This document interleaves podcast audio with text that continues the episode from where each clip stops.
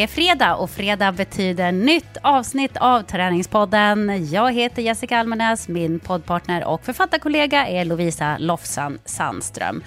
Och nu när ni hör detta så är jag på resande fot, vet ej i vilket land, i vilken tidszon. Jag vet fan ingenting om denna resa egentligen. Det är ett jobb som jag gör eh, och därför så har vi förinspelat eh, det här programmet. Men jag tror att ni kommer att gilla det ändå för att eh, det handlar om ett ämne som vi får väldigt mycket frågor om.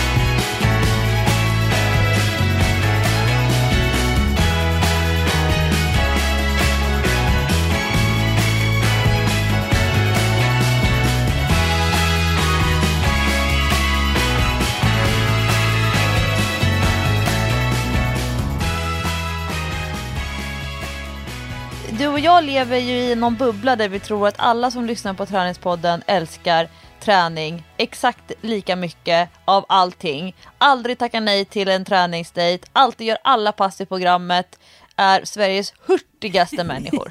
Ja men är de inte det då? jo! Vi projicerar, vi projicerar, vi projicerar. Ja, eh, och det är ju liksom en avvägning när man gör en träningspodd, tycker jag, att bestämma hur mycket ska man vända sig till eh, de som tränar jättemycket och är liksom kanske inte elit, eller jo, jag tror ändå att vi har några som är elit som lyssnar på podden, eh, och elitmotionärer, och hur mycket ska man vända sig åt de som vill komma igång och träna, kanske nya till podden, eller tränar eh, moderat, kanske försöker få till en eller två gånger i veckan på sin höjd. Det är inte så lätt eh, att göra den avvägningen. Nej, alla vill ju ha en liten bit av kakan som passar till dem. Och ibland så tänker jag att om någon som är i den bortersta ändan från dig och mig och våra så här intressen i livet, om de skulle lyssna på ett enda avsnitt av Träningspodden, de skulle ju tappa hakan, brinna av, tycka vad är det här för trams? Och du och jag bara, nej men det här är ju, det är 100% rimligt. Det är 100% vad livet handlar om. Ja, ja, men det är ju det. Vi tänker ju på träning dygnet runt i princip. Och det är ju otroligt lyxigt att få sitta och prata om träning i en dryg timma varje vecka med dig, Lovisa. Även om vi har pratat om alla ämnen hundra gånger. Och vi tar dem hundra gånger till. Det är det som är så härligt. Men det är liksom, man får ju också längs livets gång nya insikter. Och man lär sig ju saker hela tiden.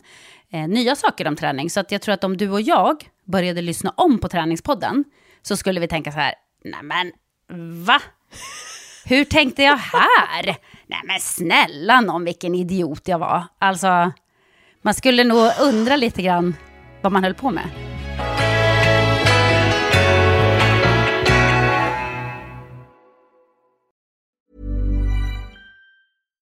Here's a cool fact a crocodile can't stick out its tongue. Another cool fact you can get short term health insurance for a month or just under a year in some states.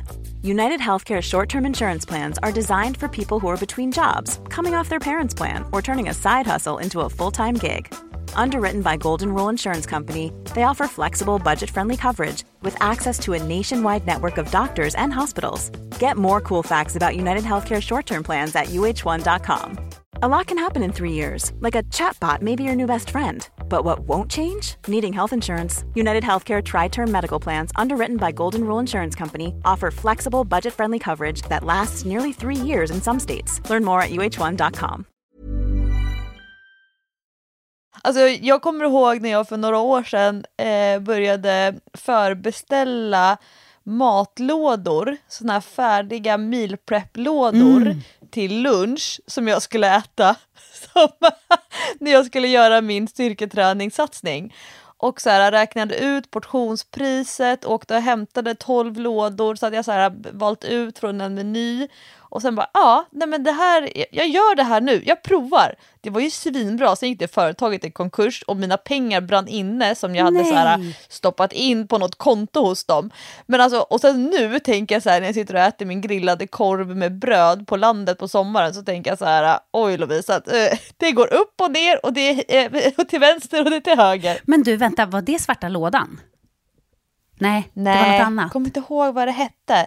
Det var något fitness meal prep eh, företag. Det... Nej, svarta lådan har jag också provat. Eh, men alltså det ligger utanför min price range. Ja, min med. Men det är min dröm. Det är min dröm att få, säg så här typ, ge det tre månader, att i tre månader få leka Hollywoodstjärna och ha en PT som styr upp alla ens pass, så att man kör liksom x antal pass i veckan som PT bestämmer. Typ att man bara anställer den här PTn, nu ska du träna mig i tre månader. Och så får man svarta lådan i tre månader också. Som alla måltider bara exakt beräknade, hur man ska äta för bästa effekt, för att det ska vara som nyttigast, eh, för att man ska må som bäst. Alltså bara lämna över sitt liv i händerna på någon annan. Så att nu passar jag på Lovisa att säga till alla som känner mig som lyssnar på denna podd. Om två år så fyller jag 50. Då vet ni vad jag önskar oh, oh. mig. Åh, oh, på önskelistan! Alla skramlar alla så att Jessica skramlar. ska kunna äta mat. Ja, men vadå, skramla så att jag kan få leva Hollywoodliv i tre månader. Det är väl inte för mycket begärt? Slippa ta egna beslut, ja. bara köpa in alla tjänster som det går. Magiskt. ja, men jag kan ju säga, eh, jag som, som är min egen PT på i princip alla sätt, eh, inte ens jag har ju motivation till att göra allt som ska göras. Jag tänkte på det när jag hade mitt gummiband hängandes framme. Och så så här, ah, jag kanske borde gå och dra i det där bandet. Mm, ja, eller så lägger jag mig och läser en bok. Ja, jag kanske borde ställa mig och stretcha lite grann på vardagsrumsgolvet. Mm, ja, eller så lägger jag mig på soffan. ja, men det är ganska skönt att du faktiskt är människa och inte träningsrobot. Det tycker jag. Vi har med en ganska så, en ganska så mastig lyssnarfråga från en enda individ. Men vi tror ju att den här frågan är relevant för ganska många som lyssnar på Träningspodden. Ja, och på ett sätt så är det ju bra att vi ibland får göra förinspelade program. För att eh, normalt sett så har ju vi väldigt mycket att säga, för det händer ganska mycket i våra liv på en vecka och sådär. Eh, och vi kommer på massa uppslag och så. Men när vi ibland måste spela in i förväg så har vi tid att ta upp frågor från våra lyssnare. För att vi får skitmycket frågor och vi hinner inte svara på alla. Och det är ju synd, för att man vill ju gärna att alla ska få eh, höra ett resonemang om just sin idé eller tanke eller fundering och sådär. Och nu den här lyssnaren har vi då tillägnat hela detta program. Berätta Lovisa, vad är frågan? Hej Träningspodden! Här kommer en lyssnarfråga från den som har lyssnat på alla avsnitt av Träningspodden. Dessutom minst en Va? gång. Det, alltså, det är när man går in på andra eller tredje lyssningen av ett avsnitt. Ja. Ja, men, jag ber om ursäkt. Men, ja, men om man börjar om, då har man ju glömt redan vad som hände i början. I och för sig. Det är kul att ni har olika ämnen i podden och nu hoppas jag att ni kan prata om mig. Alltså det här är som du och jag Jessica, älskar att prata om oss själva. Jajamän. Eh, och nu hoppas jag att ni kan prata om mig, precis som att ni pratade så bra om Jessicas kompis Åsa, den ofrivilliga löparen. Hur går det för henne förresten? Kan vi få en statusuppdatering? Jessicas kompis oh. Åsa, är det, är det din, din minst tränade kompis? Min kompis som tränar absolut minst, hatar och tränar har hon gjort hela sitt liv. Nu har hon ju fått en uh, ny kärlek i Bionic som jag också går på. Det, är, det passar liksom henne. Det går fort, det är lite fusk eh, och man får ändå lite träning. Eh, så jag, jag, fattar att hon eh, gillar det. Hon är liksom lite bekväm av sig, Åsa. Förlåt, Åsa, om du lyssnar på detta. Eh, men den här eh, löpträningen som vi skulle börja med, mm, jag gjorde ju mina försök. Eh, låt mig säga, hon var inte megapeppad. Hon bara, vänta tills det blir vår. Ja. Sen blev det vår, då eh, var det så mycket grejer så att eh, det hanns helt enkelt inte med.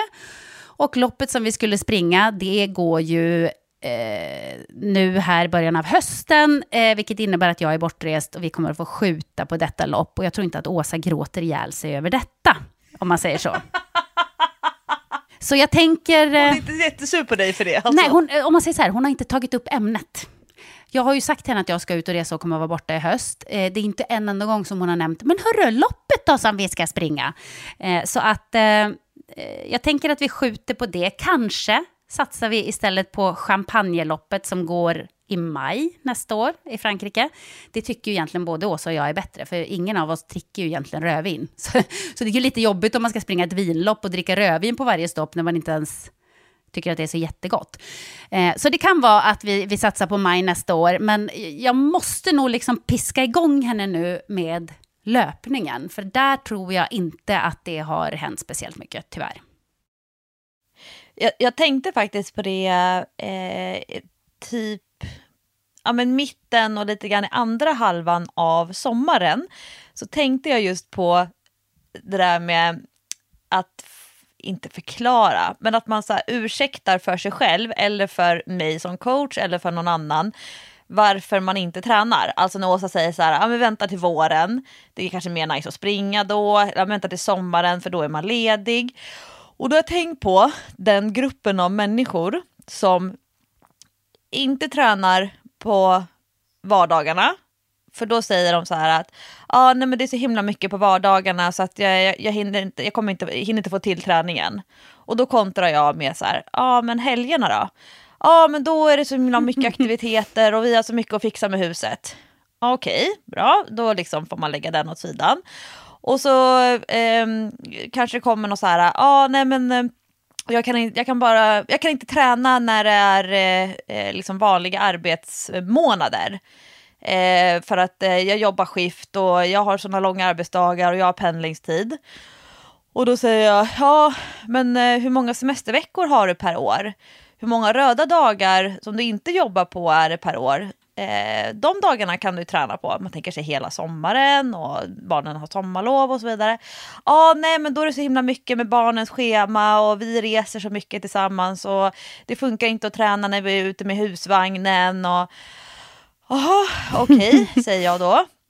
Och sen så eh, kan det vara så här, ja men, ehm, eh, nej, men jag har inte råd med träningskort, jag kan inte gå på gym, Um, så att, nej men jag tränar inte. Så, ja, men det är ju helt gratis att träna på vardagsrumsgolvet eller utomhus på gräsmattan utanför eh, huset där du bor. Ja, nej men eh, jag, på kvällarna kan jag inte träna för då jag har så svårt att varva ner när jag ska sova. Och jag bara, okej, okay, vet du, jag tror att du ett, inte vill träna, två, prioriterar andra grejer än att vilja träna. Och det är fine. Men då har liksom jag kanske lagt ungefär 45 minuter i en chatt med den personen eller i ett samtal och då kanske jag säga men det är inte jag som ska övertygas om varför den här personen inte kan träna. Alltså det blir lite så här, det kommer aldrig komma det perfekta tillfället för någon som inte vill träna att träna. Nej. Alltså man kan hitta, det finns så många förklaringar till varför man inte kan träna. Ja, men så är det ju eh, med allt i livet. I och för sig har man ju tagit ett första steg om man kontaktar dig då, Eh, det har man ju i och för sig gjort, men man måste ju vara redo själv, för att ingen annan kan ju... Alltså en PT kommer ju inte kunna övertyga dig om att du ska träna. Och det är ju inte PTs jobb heller att tjata på att du ska gå dit. Utan där måste man ju vara själv att man vill det. Och det är ju samma sak om man till exempel ska göra en stor eh, viktresa. Man måste vara redo för det, man måste vilja själv. Det, ingen annan kommer att kunna övertala en till det. Eh, eller om man ska sluta röka. Det liksom, spelar ingen roll att andra säger nu måste du sluta röka för det är jättefarligt. Om man inte är där själv, då kommer det ju inte att hända. Men jag brukar tänka på det när eh, eh både träningsprofiler, så träningsinfluencers lägger upp träningsvideos på sociala medier eller när så vanliga kändisar, så jag sätter såna här fingerkrokar här i luften, vanliga kändisar lägger upp att de tränar. Och sen så när det är såna stora konton då kommer det ju alltid så här hundratals kommentarer. Och då brukar jag tänka att alla de där långa kommentarerna som handlar om där folk förklarar för den här personen varför de inte kan träna Eh, oftast då för att de inte har tid eller ja, av olika skäl. Då brukar jag tänka så här att men om du hade stått och gjort knäböj medan du skriver den kommentaren eller om du står i en armbågsplanka och så liksom skriver du in med fingrarna samtidigt som du eh, liksom står i plankan och skriver kommentaren. Då hade du ju tränat. Ja. Ja, men exakt. Det är, ibland är det bara så här, det är bara att göra och det behöver inte vara perfekt som vi alltid säger, utan eh, kom bara till eh, träning. Och nu kom bara till saken med frågan här Lovisa. nu till min fråga. Jag tränar regelbundet och rör på mig ganska ofta. Men jag är den ofrivilliga styrketränaren. Vilka är era bästa tips till mig som inte gillar att styrketräna och jag inte får den här tillfredsställande känslan som jag får av att springa eller av att yoga? Jag fattar att det vore bra för mig och min kropp att styrketräna åtminstone en gång i veckan. Men hur? Med stora bokstäver och sen många U, ett frågetecken och ett utropstecken. Och gud vad jag kan relatera, verkligen. För du vet ju att jag är en högst eh, ofrivillig styrketränare. Jag tycker ju verkligen oftast inte att det är kul.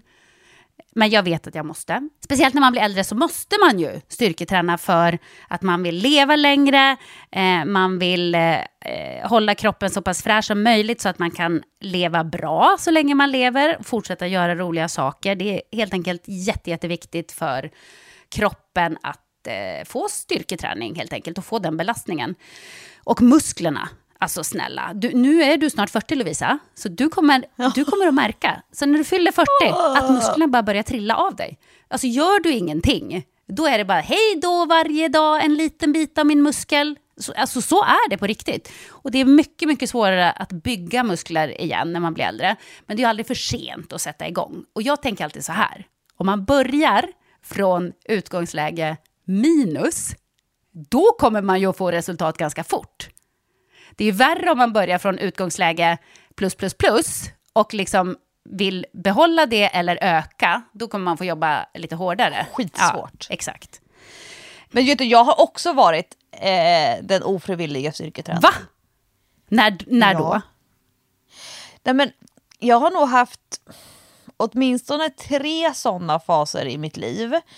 Eh, en sån fas var när jag höll jättemycket konditionspass som gruppträningsinstruktör. Alltså då var jag så sjukt osugen på att styrketräna själv. Och jag märkte på min kropp att den såg och kändes allt mer otränad ut för varje konditionspass som jag instruerade. Alltså, det, var, det där är alltså du gjorde jättemycket kondition, men du kände att du ja. blev mer och mer otränad, eller vadå? Alltså... Ja, men man, man, man fuskar. Alltså, gruppträningsinstruktörer som håller konditionspass många gånger i veckan, de fuskar. I'm sorry to say it. Alltså spinningpass, man fuskar. Alltså, det finns så många knep som man kan använda för att det ska se ut som att man kör stenhårt. Men man fuskar. Mm. Och också när jag höll i vattengympapass, jag bara svettades hela tiden för att vara varma poolsalen. Eh, jag höll i några så koreograferade pass på stepplåda. Nej men gud, alltså där. Mm. Eh, och jag, min kropp den blev ju inte mer vältränad av att jag höll i massa konditionsträningspass, gruppträning. Och jag var aldrig sugen på att styrketräna. Alltså aldrig. Jag kommer ihåg hur jag gick runt i personalrummet på gymmet där jag jobbade och tiggde efter en PT som kunde sätta ihop ett pass till mig, eller åtminstone kunde gå bredvid och typ så här, jag är som är värsta ögontjänaren, så att och titta på mm. mig medan jag tränar. Så det är en fas, men jag skulle nog säga att efter mina eh, graviditeter, då var jag inte jättesugen på att styrketräna, då vill jag springa. Alltså jag ville springa typ hela tiden. Jag ville gå med barnvagn och jag ville springa. Men jag fattade ju jättesnabbt att ja, bäckenbotten kommer inte hålla för det här. Jag kommer få ont i mina benhinnor. Och ja, men vad du ska göra av all den här löpningen. Du kommer inte bli bättre av att du springer ännu mer eller står på crosstrainen. Alltså, det kommer vara styrkan som gör att jag får ut mer av konditionsträningen. Men jag skulle nog säga att det var ganska ofrivilligt. Men där hänger det också ihop med att jag alltid upplevde en liten så här tidshets. När som helst måste jag bryta passet för att barnen typ ropas på från minisats, eller de ropar om dem från minisats från barnpassningen. Eller att jag var ute med löparvagnen och så här, nej, men nu får jag avbryta. Och då var det liksom så här att jag hela tiden hade en känsla av att varje minut som jag gör eh, blir Det kan vara den sista minuten. Mhm. Och det är inte heller så nice sätt att styrketräna på mot när man vet så här, nu har jag 25 minuter. Jag går all in på de 25 minuterna och sen så vet jag att då, då är jag klar jämfört med att så här, okej det här kanske blir sista sättet, det här kanske blir sista sättet, det här kanske blir sista sättet. Det är inte så himla kul sätt för många att styrketräna på. Nej, men man gillar ju, eller man gillar, men ofta har man ju en plan för vad man ska göra. Alltså det händer absolut, jag ska inte ljuga, att jag går till gymmet och har ingen plan. Går in där, kollar mig runt och bara, ah, jag kör några grejer som jag är sugen på. Så är det faktiskt ibland, men ofta har man ju en plan om man till exempel ska träna en viss muskelgrupp eller man ska träna genom hela kroppen och ha någon slags eh, program eller tanke hur man gör det. Och då är det ju lite irriterande när man inte hinner klart. Så är det ju. Nej. Men eh, vi har gjort en lista med tio tips till den ofrivillige styrketränaren. Mm, en otrolig lista. Så ta, ta fram anteckningsboken nu och så skriver ni ner detta. Jag älskar hur alla kommer argumentera nu till varför inte de här tipsen funkar. Ja, Ja, men nu säger vi bara att det funkar, punkt slut. absolut. Det här är väl beprövad, evidensbaserade tips. Japp. Eh, Okej, vill du börja eller ska jag? Eh, du kan börja. Det här är inte min cup of tea. Alltså, jag, tips nummer ett, det är typ min värsta. Eh, då står det på nummer ett på listan, träna framför pass på tv hemma. Och menar du då Åh. att man ska titta på en serie man gillar eller menar du att man ska titta på ett träningspass på tvn? Äh, nej, men att man tränar med någon annan som gör passet på Ja, tv. men det, det tycker jag är ganska kul. Jag gillar ju det. Jag kör ju, fast inte då på tvn, men jag kör ju på min mobil. Så kör jag ganska mycket pass. Yogapass alltid kör jag genom mobilen. Och det är skönt, för att även om man är lite ögontjänare, som du säger att du är, så är det som att man är lite sedd ändå. För att man kan ändå inte med och fuska, eller sluta innan instruktören säger att man ska sluta. Det är någonting som bara, eh, jag vet inte, det sitter väl i från skolan. Man gör som läraren säger bara, punkt slut. Ja, fröken. Ja. Och då blir det ju gjort. Att man har någon sån här app eller någonting sånt som man använder. Och det kan man ju dra upp på tvn också. Man kan ju, vad heter det? Ja, Dela om man har screen. sån där, äh, exakt, om man har en sån modern smart-tv, då kan man ju dela sin skärm från telefonen eh, på stora tvn. Exakt. Då får man ju det gigantiska formatet, då känns det som att man står i den här gruppträningssalen, Exakt. fast man är hemma. Och det är faktiskt bra, för att det blir av. För då har någon bestämt ett pass som man ska göra. Eh, och det tycker jag är jätteskönt. Men jag kan också rekommendera den andra grejen. Nämligen att ha på en serie samtidigt som man eh, kör sin träning hemma. Att man kör liksom kroppsstyrka eller om man köper hem lite gummiband, kanske någon hantel och så, så, man, så det är lättillgängligt. Och så bestämmer man vad man ska göra, om man kör en liten cirkel eller så. Och så tittar man på ett avsnitt på serien samtidigt, kanske lite grann med ett öga. Så det behöver ju inte vara någon sån här supersmart eh, serie. Det behöver inte vara Succession och man måste följa med i varenda meningsutbyte. Sitta och googla juridiska begrepp. Ja, nej, det blir lite bökigt. Men något lättsmält. Och så tittar man på det samtidigt och vips är träningspasset slut. Så får man inte sluta träna innan serien är slut. Så det är faktiskt också ett alternativ.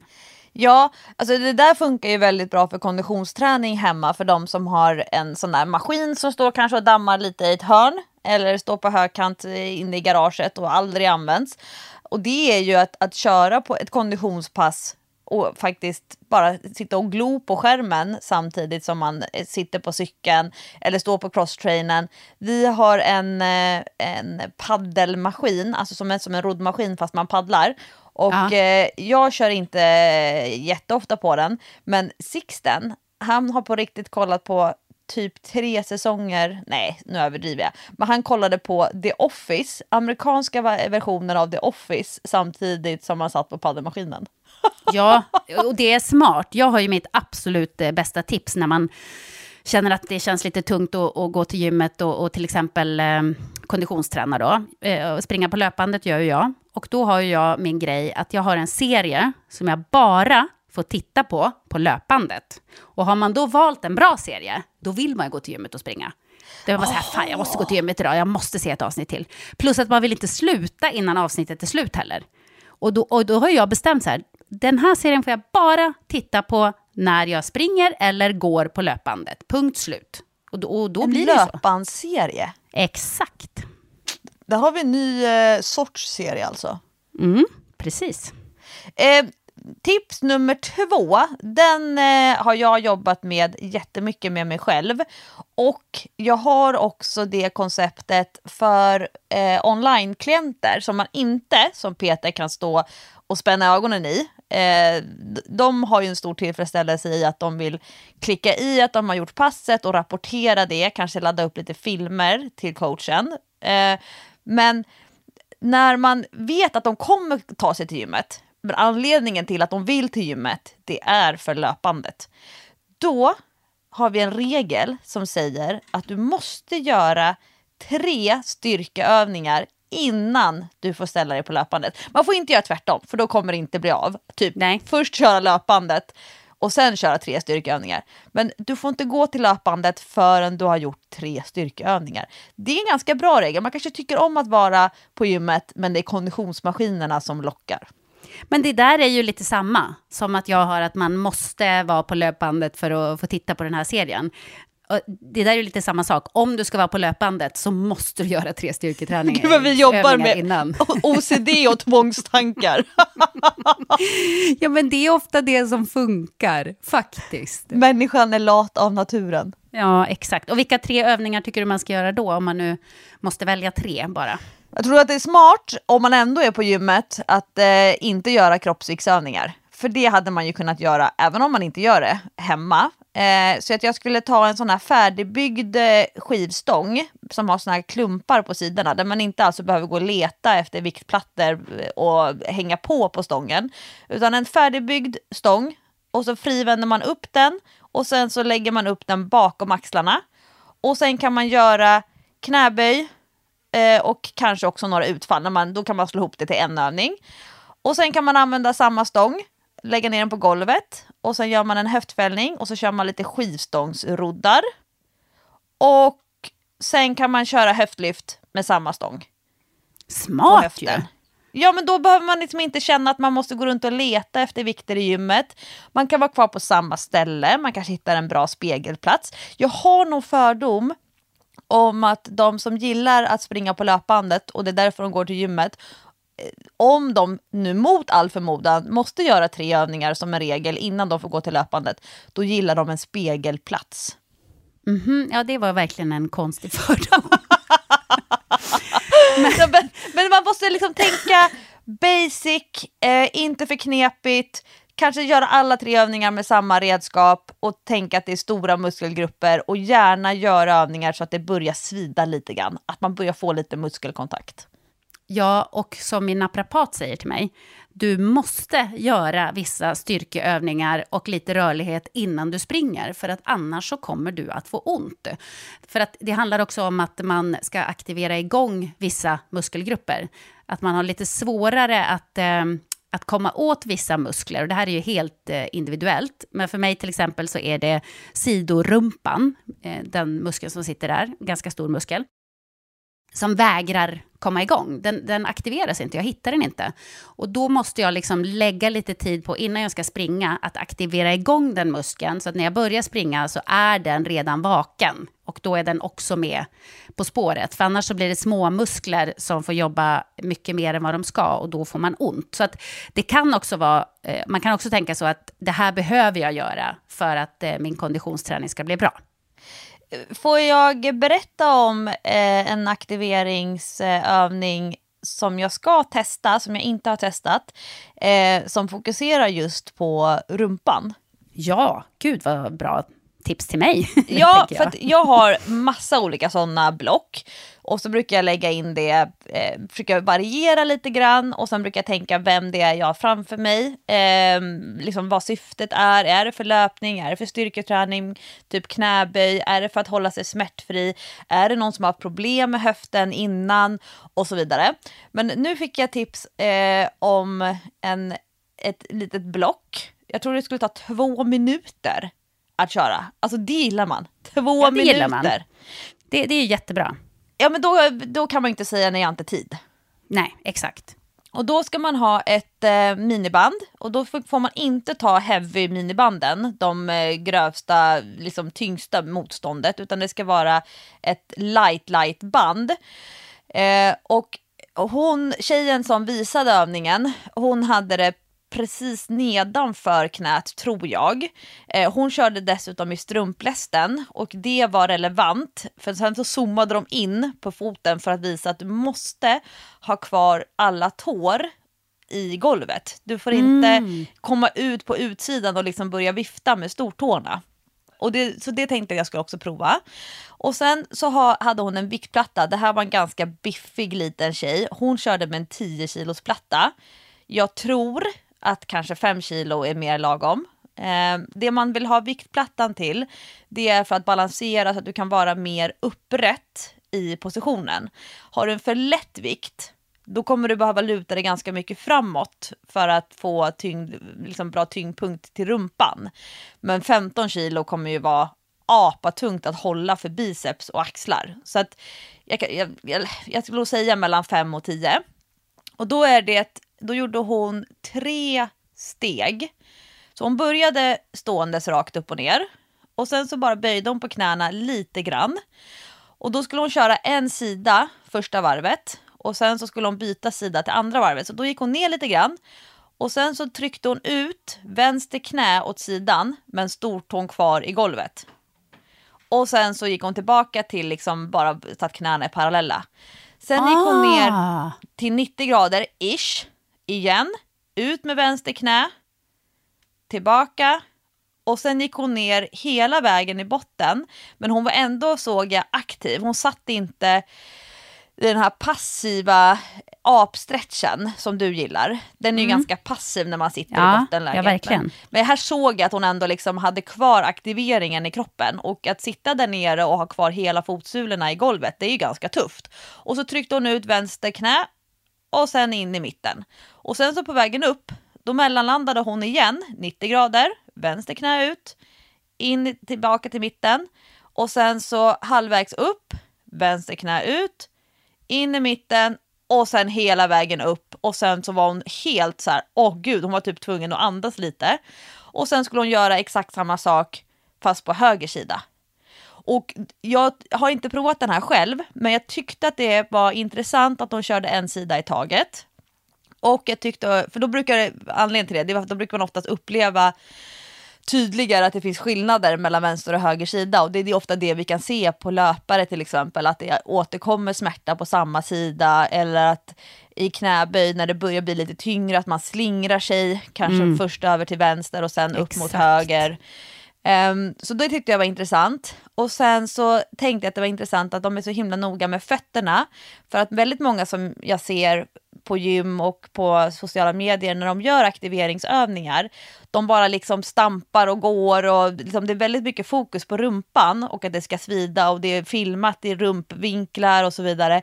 Men att där handlar det väldigt mycket om att jorda ner sig i underlaget. Ehm, så den, den får du gärna testa Jessica nästa gång som du är på gymmet och så ska jag också göra det. Men jag har inget... Får... Oj, nu vill Siri lägga sig eh, Men jag har inget miniband just nu, men när jag får tag på ett miniband då ska jag också prova. Men jag tror jag, jag Gud, kör det, på fem. Det låter som en eh, riktig svidare. Ja, jag, jag tror det. Och det, det är alltid kul med, nu säger jag så här, vältränade, biffiga människor som eh, upplever väldigt hög anspänning av en minibandsövning liksom ja. av en sån liten rörelse. Eftersom vi ofta ser de här stora biffiga människorna köra knäböj med 80 kilo. Liksom.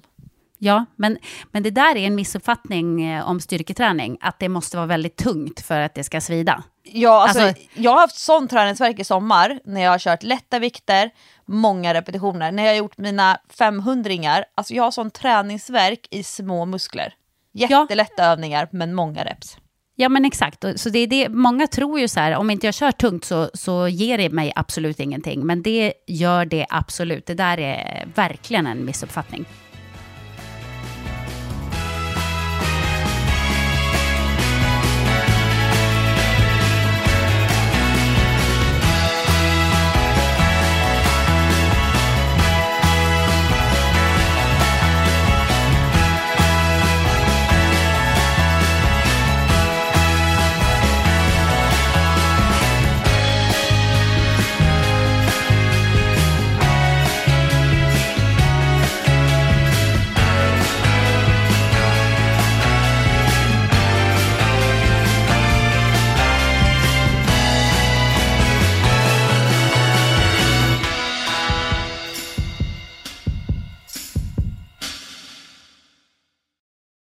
Vad vi A lot can happen in three years, like a chatbot may be your new best friend. But what won't change? Needing health insurance. United Healthcare Tri Term Medical Plans, underwritten by Golden Rule Insurance Company, offer flexible, budget friendly coverage that lasts nearly three years in some states. Learn more at uh1.com. Many of us have those stubborn pounds that seem impossible to lose, no matter how good we eat or how hard we work out. My solution is PlushCare. PlushCare is a leading telehealth provider with doctors who are there for you day and night to partner with you in your weight loss journey. They can prescribe FDA-approved weight loss medications like Wagovi and Zepbound for those who qualify. Plus, they accept most insurance plans. To get started, visit plushcare.com slash weight loss. That's plushcare.com slash weight loss. klar nu med punkt eh, två. Ja, Yes. då kan jag, jag kan köra punkt tre här. Det vill jag. Man kan köra bodypump. Åh. Alltså, bodypump är så jävla roligt. Jag måste bara säga det.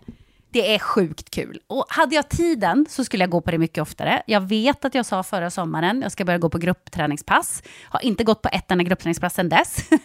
så bra gick det med det. Ja men du älskar, alltså du var ju på Selma spa och gick på Ja. bodypump. Du var helt Ja. hög. Nej men det var så jävla kul. Jag bara kände så här, det här är mitt sätt att styrketräna. För jag tyckte det var så roligt. Det var lite grann som när man springer intervaller, att man inte riktigt tänker på att man springer.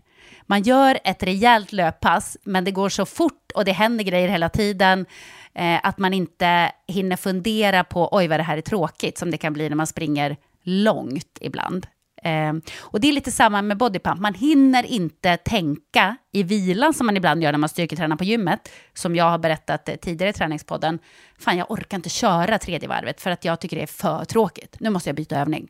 Man hinner inte det, utan man bara kör på. Och man blir ju ändå peppad när andra står bredvid och också svettas och kör. Och ingen kollar på vad man gör. Alla kollar bara på sig själva i spegeln. Så det kan man vara lugn för. Och ingen bryr sig om vad man har för vikter eller så. Det enda som jag känner lite grann med gruppträningspass, det är att eh, jag har ju ett eh, superkort på Sats, som jag betalar ganska mycket för.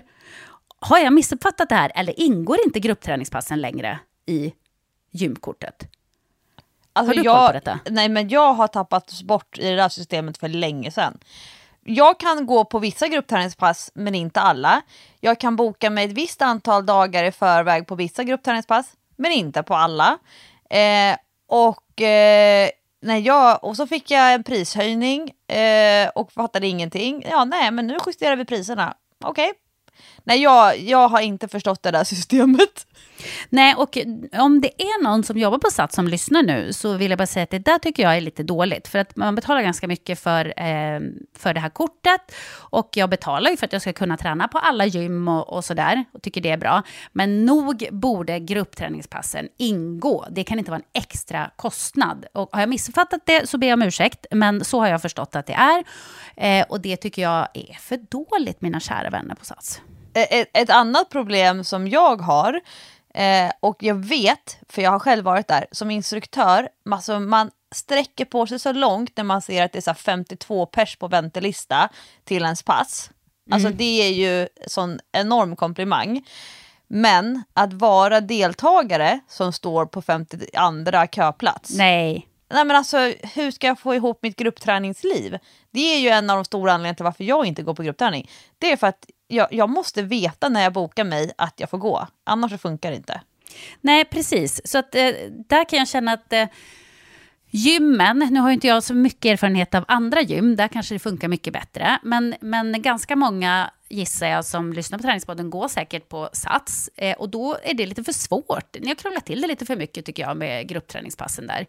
Eh, och dessutom, alltså stå på väntelista, eh, jag vet Det är lite inte. förnedrande. Ja, och jag fattar att vissa pass är populära, men det blir ju en tröskel för mig då. Om jag kommer på på morgonen, jag skulle vilja gå på gruppträningspass idag, och så går man in så här, ja, jag är på plats 50 på väntelistan. Jaha, där försvann ju min lust till att gå på gruppträningspass så snabbt. Det är det som jag gillar med mindre städer där det finns gymnastikföreningar som håller i bodypump. Ehm, och det, jag vet inte om, om jag kanske har fel, men jag tror Gymmix är väl en jättestor aktör. Och de hyr in sig på riktigt i gympasalar. Alltså det är så stora utrymmen. Visst, det är kanske inte så flådigt. Eh, det kanske luktar lite skolidrottssvett. Eh, och det kanske inte finns så mycket speglar.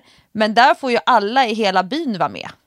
Ja, jag, jag tycker att det, där finns det förbättringspotential faktiskt från, från gymmens sida. För att det är ju så jäkla kul. Och jag tror verkligen att man skulle kunna få väldigt många att tycka träning är roligt eh, om det var lite enklare. För det blir ju lite grann som, som jag har med mina hobbyaktiviteter, med min ridning och med min basket, att man kanske har det som sin aktivitet. Så här, på tisdagar är det ett pass som jag tycker är skitkul och då går jag alltid på det passet. På torsdagar är det ett annat pass som jag tycker är skitkul. Då går jag alltid på det passet. Och då har man ju sina fasta träningsdagar på något sätt. Men eh, nästa punkt på listan, då måste vi också börja prata lite pengar. För att du och jag har ju genom åren pratat om personlig träning som en grym investering. Men den här sommaren, alltså allting är så dyrt. Allting, mm. alltså när vi sitter och räknar på kulglassindex, på vad kul, en kulglass, eller två kulor glass, strössel till, vad det har kostat. Nu låter det så här eh, som en, eh, en litet ilandsgrej, eh, fast det är inte det. Om man tittar på vad allting har blivit så betydligt mycket dyrare under våren och sommaren, så jag, jag måste ju liksom, trots att jag själv jobbar som PT, men eh, PT-timmar är för de allra flesta en jättebra investering. Men det kommer vara det som får stryka på foten när mm. folk mm. sitter nu i ekonomiskt skithål. Ja, ja. Alltså så är det verkligen. Och då så ska jag absolut ödmjukt säga att eh, jag eh, har det jättebra ekonomiskt. Jag har inga större problem så. Men eh, däremot så blir ju allting dyrare även för oss. Och vi är fem personer i familjen. Allting kostar mycket pengar. Man reser, man äter. Eh, våra bolån ska bindas om nästa år och jag har redan ångest. Alltså ett år i förväg har jag ångest för att vi måste binda om våra bolån eh, och det kommer bli så dyrt. Och då börjar jag tänka på, okej, okay, nu har vi den procenten. Om vi har ett bolån som är 3 procent mer, då ska vi betala tre gånger mer i månaden. Och jag bara känner så här, oj, oj. Eh, så att jag skulle just nu faktiskt inte lägga mina pengar på, på en PT, utan det blir ju en sån grej som man då får plocka bort, tyvärr. Och det är ju synd, för att många skulle ju liksom behöva ge den saken i present till sig själv. Men tips nummer fyra på listan, det är att man kan boka en PT med sina kompisar. Det här har redan varit ett populärt eh, sätt att träna på länge. För att det är ett, kul att vara med sina kompisar. Två, man har en PT som sätter ihop ett roligt pass. Tre, det blir mycket billigare än att stå själv med sin PT en timme. Så man kan gå ihop två, tre eller kanske fyra personer som delar på en PT en gång för att få lite inspiration till hur just det här lilla gänget skulle kunna lägga upp träningen ensamma sen. Då blir det inte mer än ett par hundra per person. Det är ju faktiskt jättesmart. Jag har ju till exempel kört lite PT med min syrra. Eh, och det eh, blir ju billigare än att köra själv och det är faktiskt också mycket roligare. Man kanske hinner göra lite färre övningar och det är ju inte så här 100% fokus på en själv. Men jag kan nästan tycka att det är jobbigt när man kör själv och PTn bara liksom kollar på en exakt hela tiden. Du vet, man kommer inte undan. lite under radarn. Ja, men precis. Och när syrran pratar med Andreas då, då, kan, då kollar han kanske inte exakt på varje vinkel som jag har på min armbåge just precis då. Eh, och det kan vara lite skönt ibland. Men det var ett jättebra tips, Lovisa, för att ehm, eh, det, det är ju nästan också roligare att göra det tillsammans med någon. Jag kommer inte att köra regelbundet med PT den här hösten. Jag drar in på den kostnaden. Um, och lägger hellre pengarna på brödfödan. Ja, men jag tror att eh, de allra flesta måste det. Men kolla också, om man går tillbaka till gymmen, kolla så här, finns det något erbjudande att man kan få en provgång med en PT? Det tror jag faktiskt att jag har på mitt gymkort. Att man kan få gratis provtillfälle och då kan man ju eh, om inte annat försöka pumpa den PTn på hur ska jag lägga upp min träning och så gör man det själv sen. Förlåt, nu vet jag att det är ditt jobb Lovisa, jag ska inte eh, ge dina kunder en massa dumma idéer, men why not liksom? Ja, förhoppningsvis är mina kunder beroende av mig. Ah. Ja. Jo, men det blir väl så när man ja, har men kört jag, länge. jag kör ju väldigt mycket PT-grupper. Och det är ju ett prisvärt sätt att komma åt en PT men slippa den stora kostnaden. Ja, bra tips. Mycket bra tips. Punkt nummer fem Jessica Almenäs, den är ju nog både din och min favorit. Ja, det här gillar jag verkligen. Och det ska sägas att det är ju mest eh, på den varmare tiden på året. Eh, man kan ju köra på vintern också, men eh, lika kul är det inte och lika trevligt. Stanna till i utegymmet på din promenad eller på ditt löppass. Och det är ju väldigt praktiskt. Till exempel där jag brukar springa så finns det eh, i min närhet två riktigt bra utegym. Så att det är väldigt lätt till hands att man känner sig när man ändå har sprungit, ja, men jag går och kör några övningar i utegymmet. Eh, och det är jättebra. Det enda som jag har lite, tycker är lite dumt med utegym, det är att man inte riktigt kan eh, eh, bedöma vikten, eller kanske öka vikten så mycket som man eh, skulle vilja och så. Men man kan köra riktigt bra pass i ett utegym. Och 10-12 minuter, det räcker. Ja, till exempel så har väl du i din app har väl du utegymspass? Mm. Mm. Och alltså, jag kan tycka att det är kul att titta på vad andra gör. Alltså, man vill ju inte vara den där stalkern som alltid följer efter samma person från station till station till station. Men i, i mitt utegym i Tanto, eh, för övrigt placerat kanske inte... Men gud vad Siri är på idag. Vi låter henne vara. Snälla, sov Siri. Ehm, det har blivit lite stökigt runt eh, vårt utegym. Eh, det är ganska mycket knark och våld och sådär.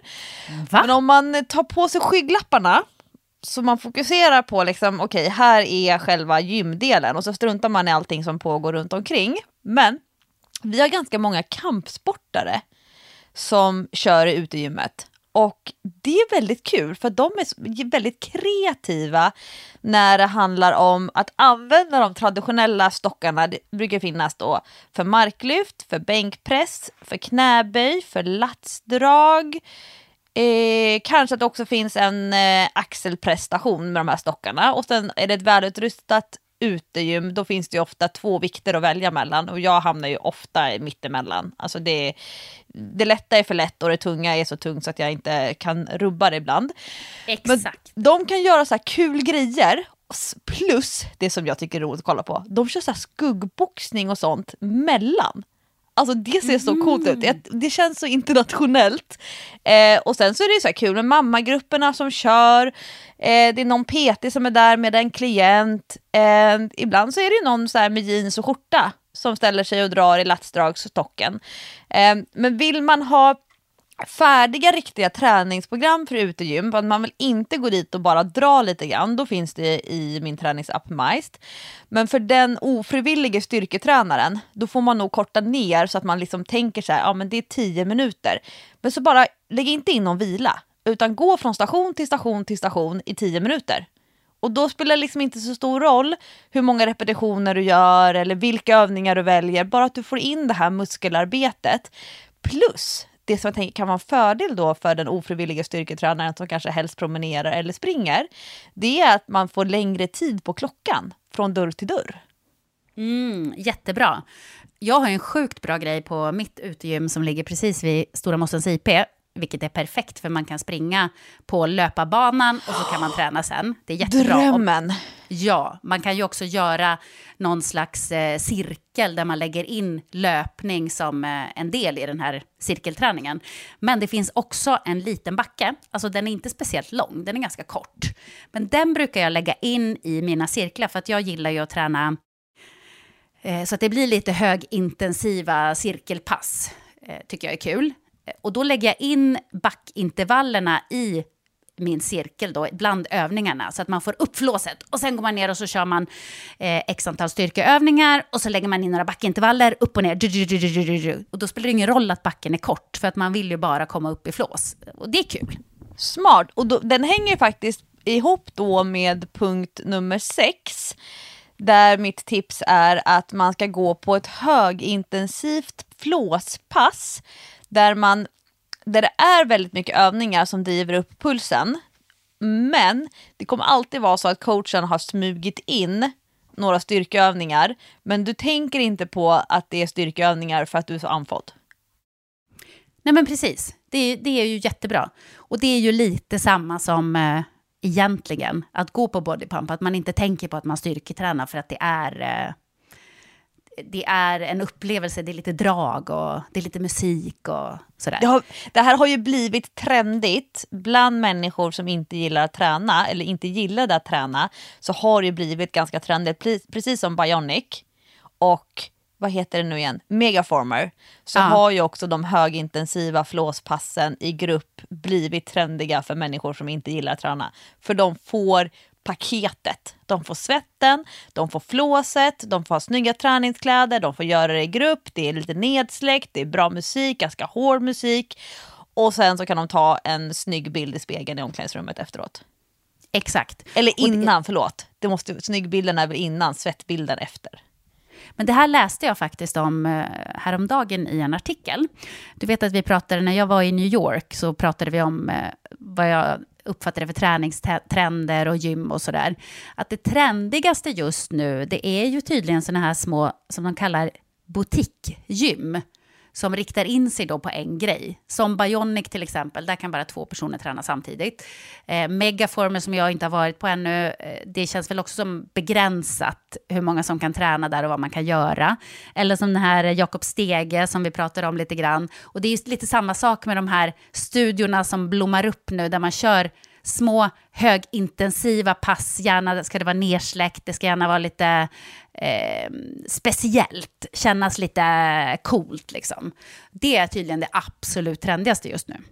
Mm. Så då kanske man kan få vara lite trendig även om man inte gillar att styrketräna. Precis, om man är en sån som känner att det är viktigt att man eh, är lite cool, då är det det här man ska satsa på. Tips nummer sju tror jag tilltalar eh, den ofrivillige styrketränaren som gillar att prestera i löpning, som vet vad som är ett bra löppass eller inte, som tycker det är kul att använda klockan när de springer, men som inte har fattat hur det ska gå till i styrketräningen för att få samma typ av lilla kick och känsla av framsteg och utveckling. Ja, det här förändrade ju allt för mig när jag började skriva upp mina vikter när jag styrketränar. Och det går ju lätt, man har bara telefonen med sig, man skriver i anteckningar eh, och har ett litet protokoll där. För att det ger så mycket mer.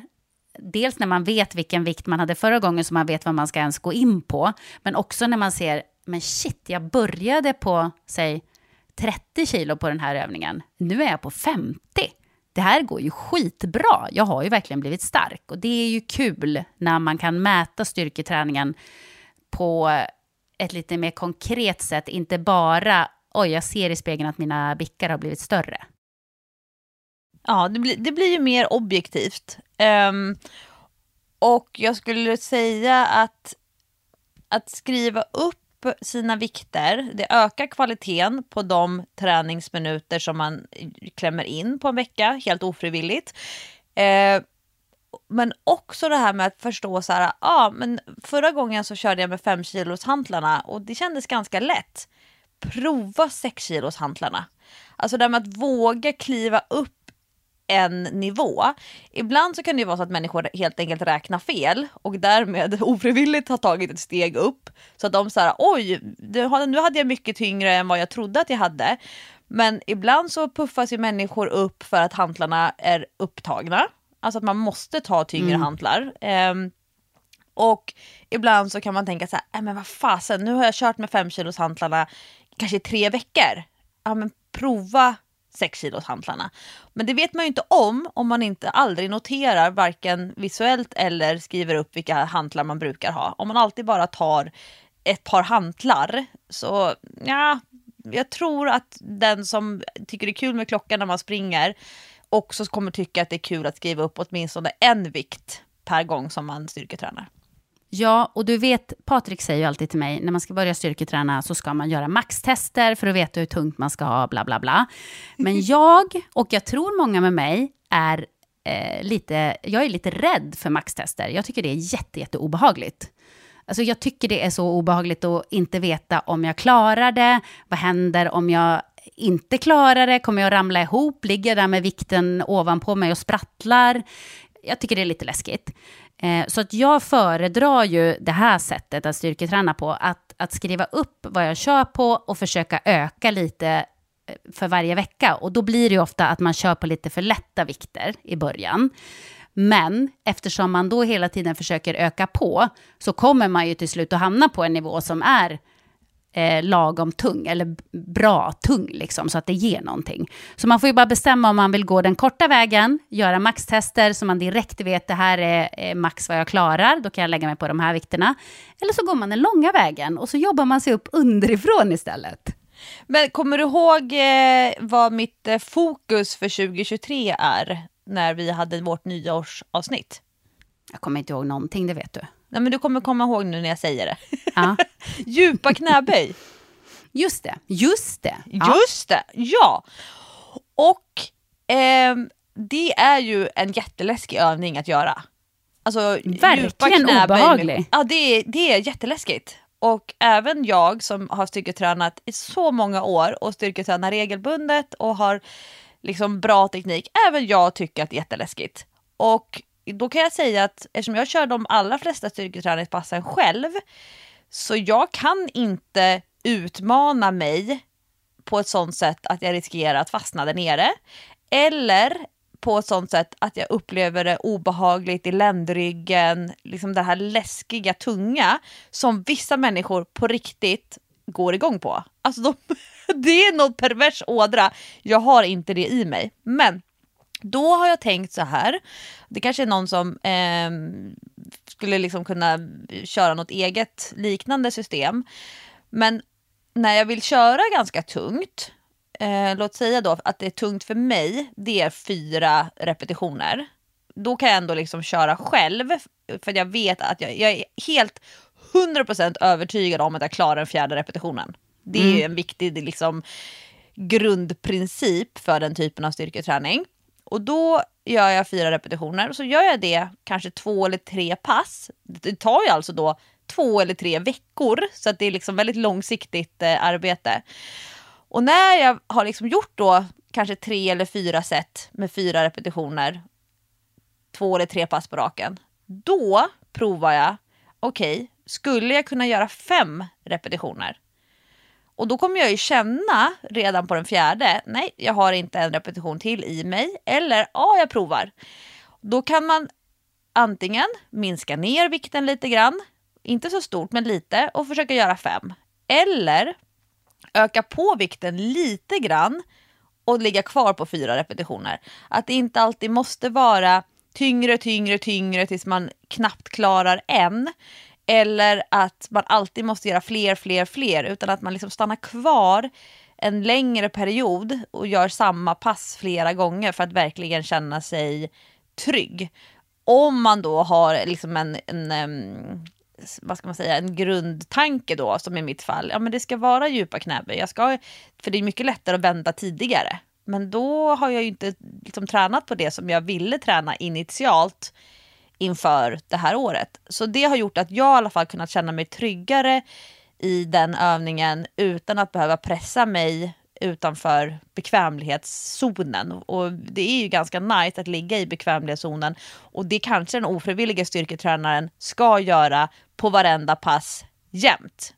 Den frivilliga styrketränaren, den vill, kan ju verkligen vara utanför comfort zone. Ja, men precis. Men då finns det lite olika tillvägagångssätt där. Men oavsett vilken väg man väljer så eh, kommer jag... Alltså jag kan lova att eh, du kommer att älska att styrketräna mer i alla fall. Eh, om du skriver upp vad du har för vikter och vilka övningar man gör också. Så får man lite koll på det. Då går vi vidare till nummer åtta. Den här gillar jag också faktiskt, Louise, det måste jag säga. Gör tre gånger tio repetitioner av en övning varje dag när du vill. Och det låter ju som pyttelite, men lite träning är bättre än ingen träning och kanske får man mer smak. Du vet till exempel, eh, visst pratade, eh, kommer du ihåg att vi pratade om eh, Dr. Rangan Chatterjee? Jag, vet du vad, jag, jag, tänkte precis det när du, eh, när du pratade om det här tipset. För jag, då skulle jag säga till dig, men är det inte det som han Chatterjee tipsade om? Men det är inte så det uttalas. Jag brukar alltid läsa som det står nej, nej, Chatterjee eh, har jag uppfattat det som. Jag har ju intervjuat har honom rätt. en gång jag på länk eh, i Pep Forum. Pep Forum, när vi gjorde det under pandemin, han skulle ha varit på plats, vilket är så tråkigt att det inte blev så. Men jag fick intervjua honom på länk och jag blev så inspirerad av den här mannen. Så att jag har ju skaffat alla hans böcker i princip. Och han har ju väldigt så enkla, handfasta tips på hur man kan leva lite hälsosammare i sin vardag. Och då är ju ett av tipsen till exempel att varje gång du kokar kaffe på morgonen så bestämmer du att du måste göra tre gånger tio eh, tåhävningar till exempel. Alltså bara sådana små enkla saker. Och så bestämmer man fem sådana saker som man ska göra varje dag och så eh, följer man det. Till exempel när man borstar tänderna så måste man göra 20 knäböj. Ja, okej. Okay. Det, det, är ändå lätta förhållningsregler att hålla sig till och man tränar utan att det känns som att man tränar. Det, det blir ju en väldigt bra vardagsvariant av våran eh, 10-10-10 sommarträningsutmaning eller som den här klipparen som körde 10 reps av en övning varje hel timme under sin arbetsdag när han satt vid datorn. Men det här, ja. känns, ju, det här känns ju rimligt för vem som helst. Ja, men precis. Och det är lite enklare också än vår sommarutmaning. För det upptäckte ju både du och jag, att det var ganska svårt att göra i tio timmar en gång i timmen. Eh, för att livet eh, sätter lite krokben för det. Men om man bestämmer sig att när jag går upp på morgonen, innan jag går in i duschen, så gör jag tre gånger tio situps. Eller tre gånger tio knäböj, eller om man byter övningar eller vad det nu kan vara. Då har man börjat en hälsosam vana. Även om det kanske inte riktigt kan kallas styrketräning, så har man skaffat sig en vardagsmotion som kanske gör att man blir sugen på mer. Jag har en kompis som har en sån här eh, uppskruvbar eh, kinsräcke i dörrposten mellan köket och hallen. Åh en gud där, vad kul! Ja, en sån där som man snurrar så att den fäster liksom i dörrposten. Ja.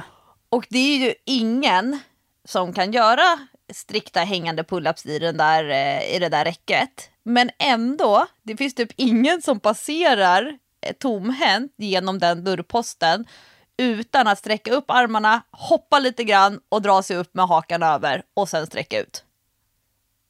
Alltså vi, varenda gång, vi kan inte, det finns ingen som kan hålla sig hemma hos dem. Alla provar det. Och det tänker jag också är en sån här grej.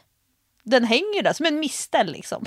Ja, och då blir man lite sugen helt enkelt. Det är väl jättebra. Nu har vi bara två tips kvar och tips nummer nio då, den näst sista, det här tjatar vi ju om väldigt många gånger, ofta i Träningspodden. Använd en träningsapp som har korta pass med tydligt upplägg. Alltså det finns ju oändligt många träningsappar och det finns oändligt många konton på Instagram och på Youtube med hur många korta träningspass som möjligt med tydliga upplägg. Alltså mm, och... ingen kan skylla på att det är otillgänglig träning. Nej, precis. Eh, och jag läste faktiskt häromdagen, jag älskar att läsa om hälsa och träning, Återigen, i Svenska Dagbladet, min bästa vän, Svenska Dagbladets hälsoartiklar, så läste jag faktiskt att den här 7 minute workout, som var populär för några år sedan, att man tränar sju minuter om dagen, eh, faktiskt funkar. Den har effekt. Och det är nu vetenskapligt belagt till och med. Eh, och då har man ingen ursäkt, för sju minuter om dagen, det klarar alla att lägga på träning. Sen finns det ju oändligt med appar som du säger Eh, för alla möjliga olika sorters eh, syften. Eh, med utrustning, utan utrustning, yoga, vad det nu kan vara. Så det är ju bara att testa någon, för att ofta så har de ju en provperiod på en eller två veckor, ibland till och med en månad. Och så får man prova och se om man gillar det utan att betala. Och sen kan man ju välja en app som man satsar på. Och, och jag tänker också att man kan testa massa olika träningspass. Om du testar tio olika träningspass och du gillar inte ett enda av dem, då har du ändå kört tio styrketräningspass. Det spelar ingen roll att du inte gillade dem eller att du inte kommer köra dem igen.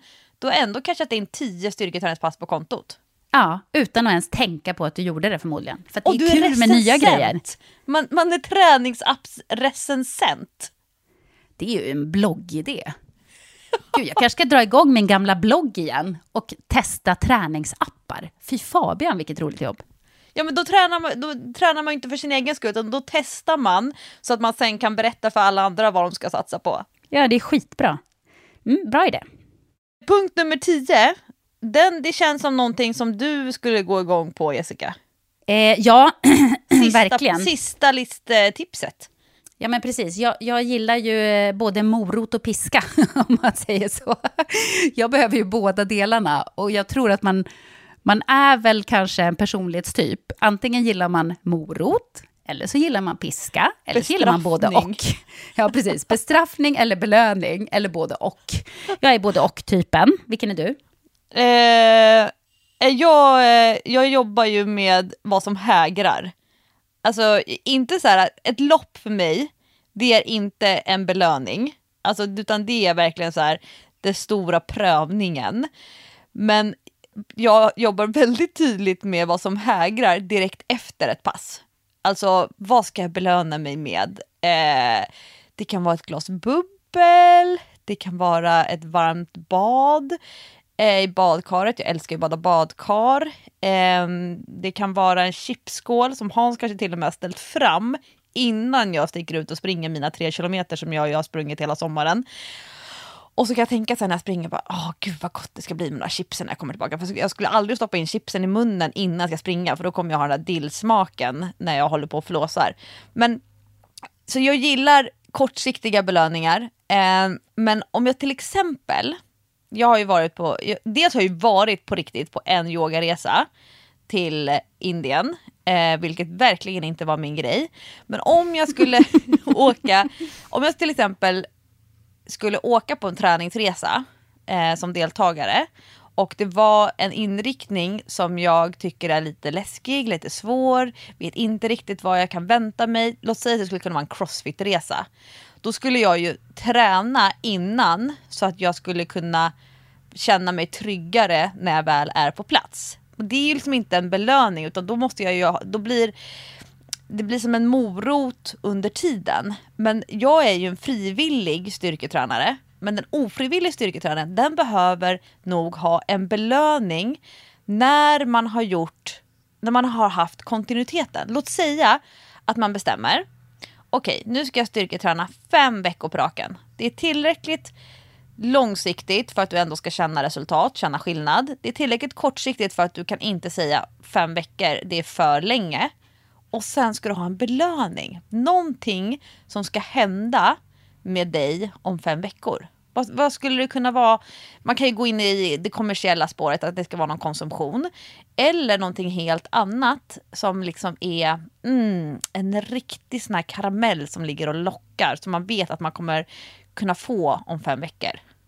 Ja, jag älskar ju det här. Jag har ju kört eh, det här upplägget när jag har sprungit maraton.